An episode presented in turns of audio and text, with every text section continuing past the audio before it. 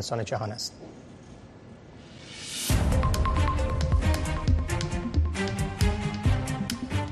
سرخط سه خبر مهم در برنامه امروز تلویزیون آشنا صدای امریکا از واشنگتن.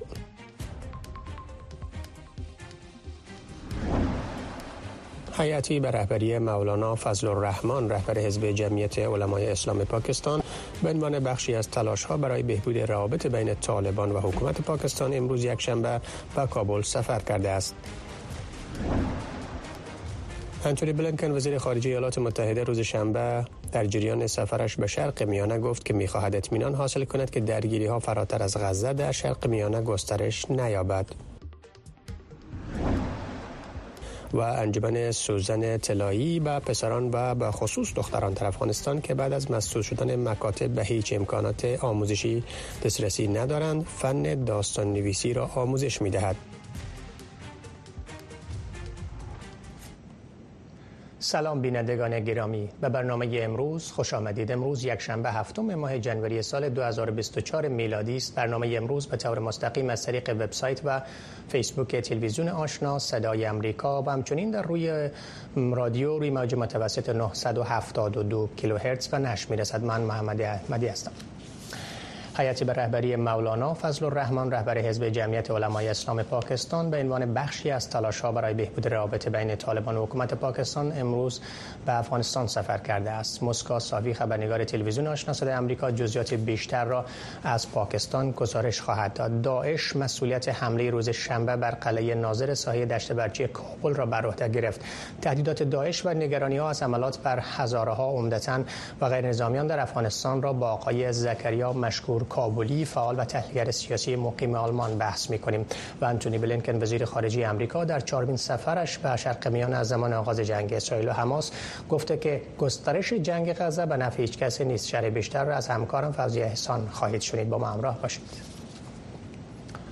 هیئت رهبری مولانا فضل الرحمن رهبر حزب جمعیت علمای اسلام پاکستان. به عنوان بخشی از تلاش ها برای بهبود روابط بین طالبان و حکومت پاکستان امروز یکشنبه به دعوت حکومت طالبان به افغانستان سفر کرده است. مولانا فضل الرحمن روز گذشته در مصاحبه با برخی رسانه ها گفت که در نظر دارد تا در سفرش به افغانستان ضمن گفتگو درباره موضوع تحریک طالبان پاکستان یا تی با مقامات حکومت طالبان با هبت الله آخونزاده رهبر این گروه نیز در قندهار دیدار کند. برای کسب معلومات بیشتر در مورد این سفر مولانا فضل الرحمن به کابل و موضوعات مرتبط به این سفر با مسکا صافی خبرنگار تلویزیون آشنا صدای آمریکا در پشاور پاکستان صحبت می‌کنه. مسکا سلام. خبرها در مورد سفر رهبر حزب جمعیت علمای اسلام پاکستان به افغانستان چه است و چه کسانی در هیئت همراه او شاملش هست و چه موضوعاتی به نظرتان بحث خواهد شد؟ سپاس از شما مولانا فضل الرحمن رهبر حزب جمعیت علمای اسلام پاکستان امروز به کابل رسیده با هیئتی که شامل مولانا صلاح الدین مولانا جمال الدین مولانا ادریس حقانی می باشد و تعداد دیگه به کابل رسیده و پس از رسیدن به کابل برگ رسیده و در آنجا با محمد عبدالکبیر معاون سیاسی رئیس الوزرای طالبان ملاقات کرده و این ملاقات یعنی با همانطوری که دیده شود که این حزب در شبکه اجتماعی اکس خود هم نوشته و گفته که به خاطر صلح و ثبات منطقه می باشه این سفر مولانا فضل الرحمن و به تاریخ 16 دسامبر سال 2023 که از سوی دولت طالبان مولانا فضل الرحمن به کابل دعوت گردیده بود سخنگوی دولت طالبان زبیل مجاهد گفته بود که این سفر یا هدف این سفر برای جلوگیری از تبلیغات منفی علیه دولت طالبان در پاکستان می باشد و همچنان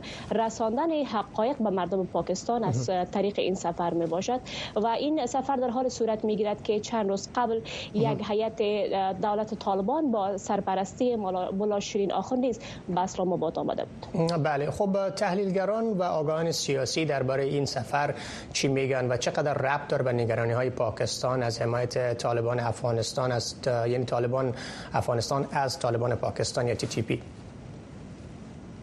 خب بر اساس گزارش های رسانه های پاکستانی وزارت خارجه پاکستان چندان به این سفر خوشبین نیست و همچنان وزارت خارجه پاکستان ابراز نظر هم نکرده در رابطه با این سفر. ولی مبصرین امور سیاسی یا تحلیلگران به این نظر هستند که این سفر می تواند که نتیجه مثبت داشته باشد. زیرا مولانا فضل رحمان از جمله کسانی است که هم نزدیک رابط نزدیک با عدالت طالبان و همچنان با تی تی پی تحریک طالبان پاکستان داشته و رهبرای تی تی پی در مدارس و مراکز تربیتی مولانا فضل رحمان تربیت شده. ولی بعضی از امور سیاسی مبصرین امور سیاسی به این نظر هستند که این سفر نیز به نتیجه می باشد و ممکن پس از این سفر که چیز نتیجه ندهد روابط میان طالبان و پاکستان تنشها میان این روابط بیشتر شود و این روابط با تیرگی مواجه گردد. تشکر از مسکو صافی خبرنگار تلویزیون آشنا صدای آمریکا از پشاور پاکستان. در مورد شرح این گزارش. بنجامین هاپکینز استاد تاریخ و روابط بین الملل در پانتون جورج واشنگتن می‌گوید که به نظر نمی رسد که تنش در روابط بین پاکستان و طالبان افغان در آینده نزدیک حل شود. آقای هاپکینز این اظهارات را در حالی ابراز داشته که مولانا فضل الرحمن رهبر جمعیت علمای اسلام پاکستان در راستای بهبود روابط میان حکومت پاکستان و طالبان وارد کابل شده است. آقای هاپکینز در مصاحبه با همکارم سید عزیزالرحمن گفته است که در تشنج بین دو طرف اسلام آباد بیشتر مسئول است. بنجامین هاپکینز ممنون از اینکه برای ما فرصت دادید. در شرایط کنونی شما خط سیر روابط پاکستان با طالبان افغان را چگونه ارزیابی می‌کنین؟ فکر می کنم از دو دیدگاه این سال را پاسخ دادن می توانیم. اول از دید تاریخی و دوم از دید زمان کنونی. از دید تاریخی در سالهای اخیر دهه 90 یعنی دور اول حاکمیت طالبان در افغانستان این روابط از بسیاری جهات در همسویی با هم قرار داشت. بسیاری از خطوط سیر مشابه است. ولی یک چیز را که مهم است تا به خاطر داشته باشیم این است که جهان امروز کاملا متفاوت است. بنابراین مشکل است تا روابط کنونی را با روابط سالهای 90 قیاس کرد. از دید زمان فیلی ما می‌بینیم که دیدگاه پاکستان چگونه در قبال طالبان تغییر کرده است. در اوایل خزان سال گذشته به نظر می رسید که پاکستان از طالبان استقبال می کند. مدافع طالبان بود و متحد طالبان در جامعه جهانی بود ولی پاکستان این موقف را دیگر دنبال نمی کند و واقعا به نظر می رسد که از موقف دوستی با طالبان کنارگیری می کند. دلیل تغییر دیدگاه پاکستان در قبال طالبان افغان چی بوده می‌تونه؟ فکر می کنم ضروری است تا بدانیم که چگونگی برخورد پاکستان با حکومت طالبان همیشه بر اساس پویایی های داخلی خود پاکستان استوار است. یعنی چیزی که واقعا باعث تغییر در پالیسی پاکستان می شود وضعیت سیاسی در داخل خود پاکستان می باشد در بین این دو طالبان حکومتی است که در جامعه جهانی پذیرفته نشده. بنابراین این حکومت پاکستان است که قدرت را در دست دارد. نمی خواهم بگویم که ناتوان است ولی به گونه آشکار دچار آزمون می باشد و ما آن را با وضعیت در داخل پاکستان می بینیم بنابراین اگر به سوال شما برگردم که چه چیز باعث تغییر در موقف پاکستان می شود مسبب این تغییر سیاست های داخلی در خود پاکستان است. برخی از سیاسیون افغان ادعا دارند که تشنج در روابط بین پاکستان و طالبان افغان به خصوص در ارتباط با موضوع تی تی پی غیر واقعی است و تا نشان بدن که طالبان تحت کنترل پاکستان نیستند. نظر شما در این مورد چیست؟ Well, I think it's important for the Taliban to خب فکر می‌کنم برای طالبان مهم است تا استقلالیت خود را از اربابان سیاسی خارجی خود نشان بدهند. نمی‌خواهم بگویم که این تکرار سالهای 90 است بلکه با آن چیزی که در دهه 90 اتفاق افتاد بستگی دارد. یعنی طالبان در آغاز بسیار زیاد توسط ادارات استخباراتی پاکستان حمایت می شدند و بعدا به نحو فراتر از آن روابط گسترش یافت. ولی حکومت طالبان کنونی تا حد در ابتدا به حمایت خارجی وابسته بود. اما پس از به قدرت رسیدن در اگست 2021 در تلاش کسب حمایت با اعتبار خارجی اند به ویژه در بخش کمک ها ولی نتوانستند تا آن را دریابند آیا فکر می‌کنین که پاکستان در تحقق تلاش با اصطلاح استراتژی کنترل افغانستان ناکام شده است؟ این یک سوال خوب است که واقعا تفاوت بین سالهای 90 و امروز را نشان می دهد. اگر به گذشته نظر کنیم یکی از اهداف حمایت پاکستان از طالبان در سالهای 90 همین استراتژی کنترل افغانستان بود. به ویژه در برابر رقیب اصلی پاکستان که هند است. ولی جهان اساسا تغییر کرده است. هند دیگر رقیب اصلی پاکستان نیست.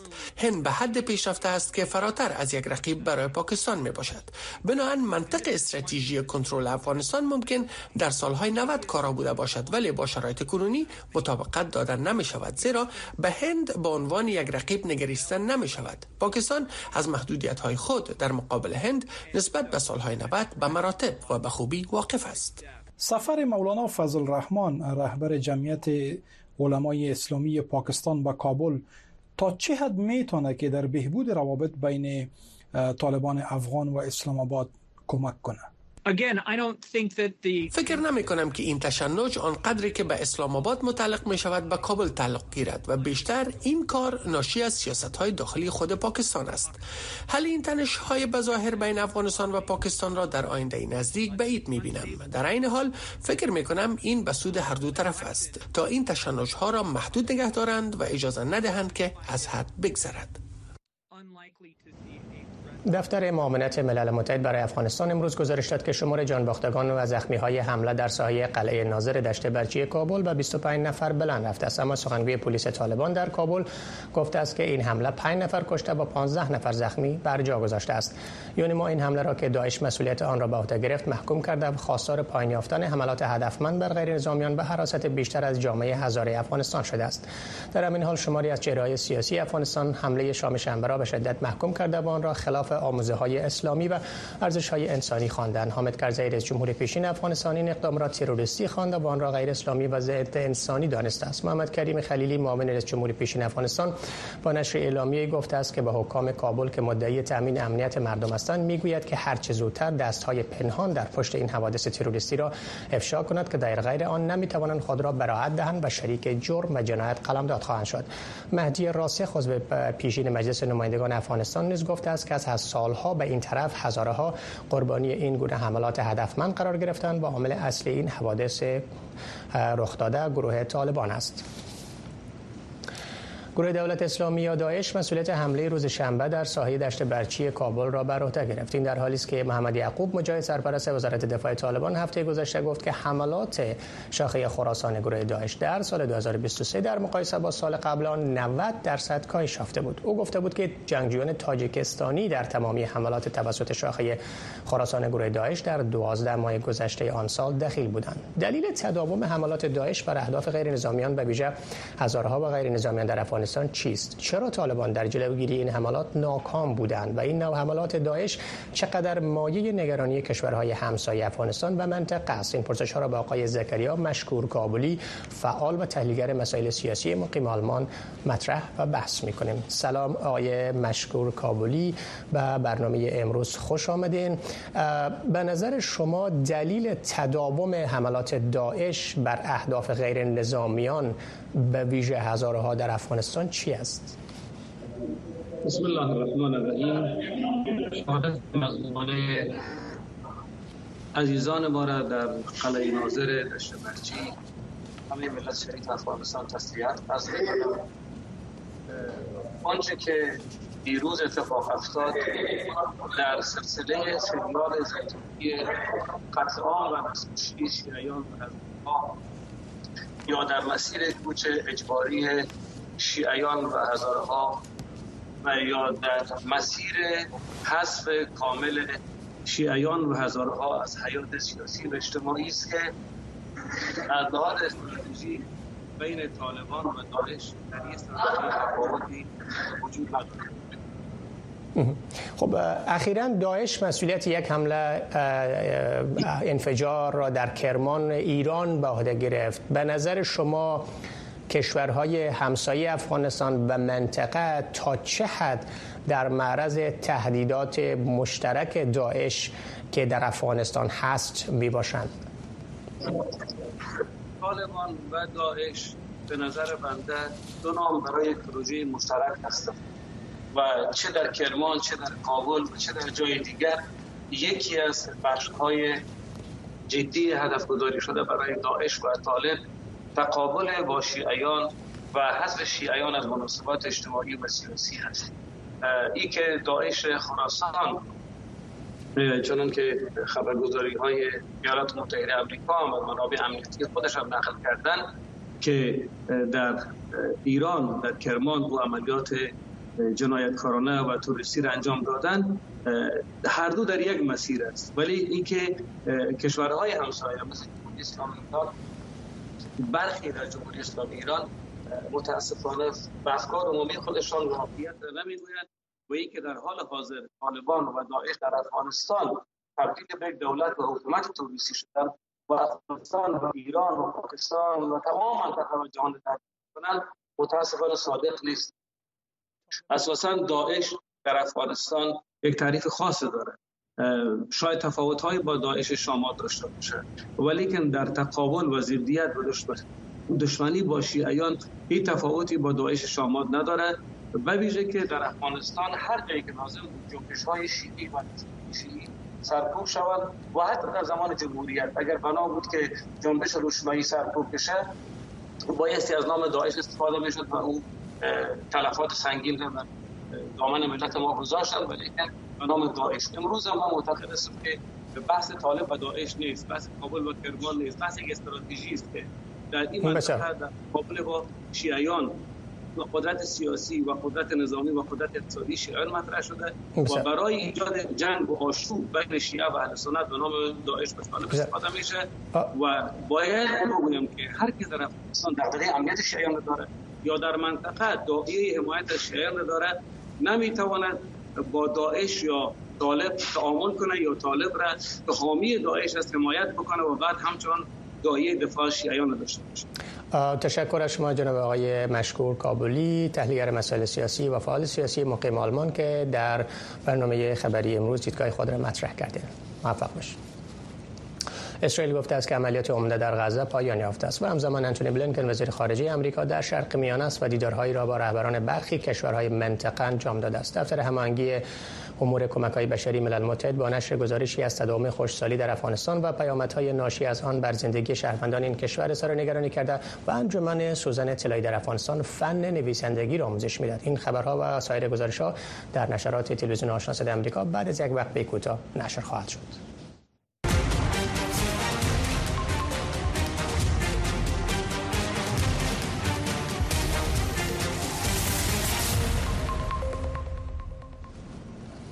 با ادامه حملات اسرائیل بر باریکه غزه و افزایش نگرانی ها در مورد احتمال گسترش درگیری ها در شرق میانه انتونی بلینکن وزیر خارجه آمریکا در سفر خود به منطقه با عده‌ای از رهبران و شخصیت های برجسته در آنجا دیدار کرده و ملاقات های داشته است. همکارم فوزی احسان در استودیو است. با شرح بیشتر این گزارش خانم احسان تازه ترین خبرها در مورد سفر آقای بلینکن به شرق میانه چی است؟ بله آقای احمدی سلام به شما و بیننده های محترم. البته انتونی بلنکن وزیر خارجه امریکا که به شرق میانه سفر کرده بر جلوگیری از گسترش تنش‌ها در منطقه تاکید کرد. پس از آغاز جنگ اسرائیل و حماس این البته چهارمین سفر وزیر خارجه امریکا به شرق میانه است. وزیر خارجه امریکا در ملاقات با رجب توی باردوغان رئیس جمهور ترکیه و همچنان صدر اعظم یونان گفته که گسترش درگیری فراتر از غزه و یا اجازه دادن و گسترش آن به نفع هیچ کس نیست. آقای بلنکن پس از این دیدارها به خبرنگاران گفته که یکی از نگرانی های اصلی مرز بین اسرائیل و لبنان است و تاکید کرد که تلاش های ممکن را به خاطر جلوگیری از تشدید جنگ در مرز انجام خواهند داد. البته جزئیات بیشتر در این مورد در گزارشی که تهیه کردیم بیننده ها می‌بینند. توجهتان جلب می‌کنیم. انتونی بلنکن وزیر امور خارجه امریکا امروز یک شنبه در ادامه سفر دیپلماتیک خود در شرق میانه با ایمن سفتی همتای اردنی خود در امان دیدار کرد. چهارمین سفر بلنکن به منطقه در سه ماه اخیر در حال انجام می شود که تحولات لبنان شمال اسرائیل بهیر سرخ و عراق فشارهای شدیدی را بر تلاشهای نسبتا موفق ایالات متحده برای جلوگیری از گسترش جنگ در منطقه پس از حمله هفته اکتبر حماس بر اسرائیل وارد کرده است. بلنکن آخرین سفر خود را از ترکیه آغاز کرد که اداره بایدن معتقد است می تواند بر ایران و نیروهای نیابتی آن تاثیر بگذارد تا ترس از جنگ منطقه‌ای را از بین ببرد. متیو میلر سخنگوی وزارت خارجه امریکا گفت که بلنکن در دیدار با اردوغان بر لزوم مهار درگیری تضمین آزادی گروگان ها گسترش کمک های بشر دوستانه مانند افزایش تعداد لاری های مجاز برای ورود غذا آب دارو و کالاهای تجاری به غزه و کاهش تلفات غیر نظامیان تاکید کرد. اردوغان یکی از شدیدترین منتقدان در جهان اسلام است که مخالف حمایت ایالات متحده از اسرائیل در جنگ نوار غزه است. بلنکن سپس به یونان رقیب ترکیه و متحده ناتو رفت با صدر آن کشور که از تلاش های ایالات متحده برای جلوگیری از گسترش جنگ اسرائیل و حماس حمایت کرده است ملاقات کند بلنکن پس از اردن از قطر و پس از آن از امارات متحده عربی و عربستان سعودی بازدید خواهد کرد. بلنکن بعدا هفته آینده بعد از پایان سفر به مصر از اسرائیل و کرانه غربی رود اردن بازدید خواهد کرد. فوزیه احسان تلویزیون آشنا صدای امریکا واشنگتن. در حالی که جنگ وارد چهارمین ماه در غزه می شود اردوی اسرائیل اعلام کرده که جنگ عمده در شمال غزه خاتمه یافته است و گفته است که آنها زیربناهای حماس را در منطقه از بین برده است. وزارت اردوی اسرائیل قبل از دیدار انتونی بلنکن وزیر خارجه آمریکا از منطقه نشر شده است. شرح بیشتر گزارش های خبرگزاری اسوشیتد پرس را همکارم شیدا نوری ترتیب کرده است. در حالی که جنگ اسرائیل در غزه وارد چهارمین ماه می شود اردوی اسرائیل اعلام کرده است که جنگ مهم بزرگ در شمال غزه را خاتمه داده است. دانیال هاگاری سخنگوی اردوی اسرائیل می‌گوید آنها عملیات مهوسازی حماس را در غزه تکمیل کردند و برای تقویت دفاع از سرحد اسرائیل و غزه ادامه می‌دهند. حماس به جبالیا در ختم یک جنگ مصمم و با مقاومت ما چهار چوکات نظامی حماس را در جبلیا از بین بردیم. حماس اکنون به شکل یک گروه در این منطقه فعالیت کردن نمی تواند ما آنان را از توانایی های دهشت افغانی در منطقه محروم ساختیم. ما حملات انجام دادیم و ادامه خواهیم داد. تا به دستاوردهای عمیق در منطقه برسیم. هیچ کوتاهی در مبارزه در برابر دهشت افغانی وجود ندارد. این اعلامیه پس از دیدار اخیر انتونی بلنکن از اسرائیل منتشر شده است. مقامات حکومت بایدن به شمول بلنکن بارها از اسرائیل خواسته است تا حملات هوایی و زمینی را خاتمه بخشیده و بیشتر روی اهداف رهبران حماس متمرکز باشند و از کشتار افراد ملکی فلسطینی جلوگیری کنند. هاگاری روز شنبه همچنان گفت تمرکز تهاجمات برای دستاوردهای عمیقتر ادامه خواهد یافت. ما از بین بردن چارچوکات نظامی حماس را در شمال غزه تکمیل کردیم و برای به دست آوردن دستاوردهای عمیقتری به مبارزه ادامه می دهیم عناصر دفاعی را تقویت می بخشیم و سار امنیتی را ایجاد می کنیم اکنون تمرکز ما برای از بین بردن حماس در مناطق جنوبی و مرکزی باریکه غزه است. ما به اساس تجربه جنگ که تاکنون آموخته ایم و طرز متفاوت اقدام می کنیم طی هفته های اخیر اسرائیل اندازه تهاجمات نظامی در شمال غزه را کاهش داده است و بیشتر حملات را به مناطق جنوب متمرکز ساختند. وضعیت جنگ باعث متواری شدن حدود 2.3 میلیون فلسطینی شده است که در مناطق کوچکتر جاگزین شدند و در وضعیت بد بشری و حملات هوایی اسرائیلی گیر ماندند صدراعظم اسرائیل تاکید نموده است تا زمانی که های اسرائیلی برنگشتند و اهداف حماس از بین برده نشدهاند جنگ ادامه خواهد یافت. ژیلا نوری تلویزیون آشنای صد امریکا واشنگتن. در عصر و زمان تغییر که جهان نامطمئن به نظر می رسد و آنچه میشنویم منعکس کننده آنچه می بینیم نیست ما به دنبال حقیقت می براییم وقتی تنها بخشی از حقیقت و آنچه اتفاق افتاده به ما گفته می شود اعتماد از بین می رود رویاها آرزوها و خواهشاتمان برای یک فردای بهتر و مطبوعات آزاد بستگی دارد. در صدای امریکا ما روایتگر گزارش هایی هستیم که مردم برای دیدن آن خطر را متقبل می شوند ما در صدای امریکا جهان را با حقیقت به هم نزدیک و متحد می سازیم ما تصویر کامل حقیقت و آنچه را که اتفاق افتاده شما بازگو می‌کنیم. انجمن سوزن طلایی و پسران و به خصوص دختران در افغانستان که بعد از مسدود شدن مکاتب به هیچ امکانات تحصیلی و آموزشی دسترسی ندارند فن داستان نویسی را آموزش می‌دهد. این انجمن توسط همیرا قادری یک تن از نویسندگان افغانستان تأسیس شده است. همکارم لینا روزبه به شرح فعالیت های آموزشی این انجمن در گزارشی پرداخته است. با گذشته بیش از دو سال از زمان مسدود شدن مکاتب دخترانه متوسطه و لیسه توسط طالبان در افغانستان گزینه آموزش آنلاین یا تدبیر سنوف برای دختران از طریق اینترنت من حیث یکی از راه های کمک با دخترانی که از تحصیل بازماندهاند مطرح شد. و حال این گزینه با ابتکارهای مختلف در حال گسترش است.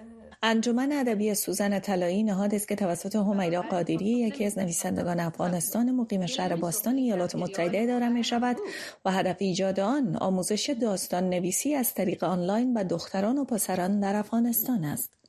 انجمن ادبی سوزن طلایی در حقیقت جریان دوامدار نوشته های ما از 1996 تا 2001 من یادم است که در دوره اول طالبانی خصوصی ها در افغانستان بسیار زیاد شده بود خصوصا در هرات.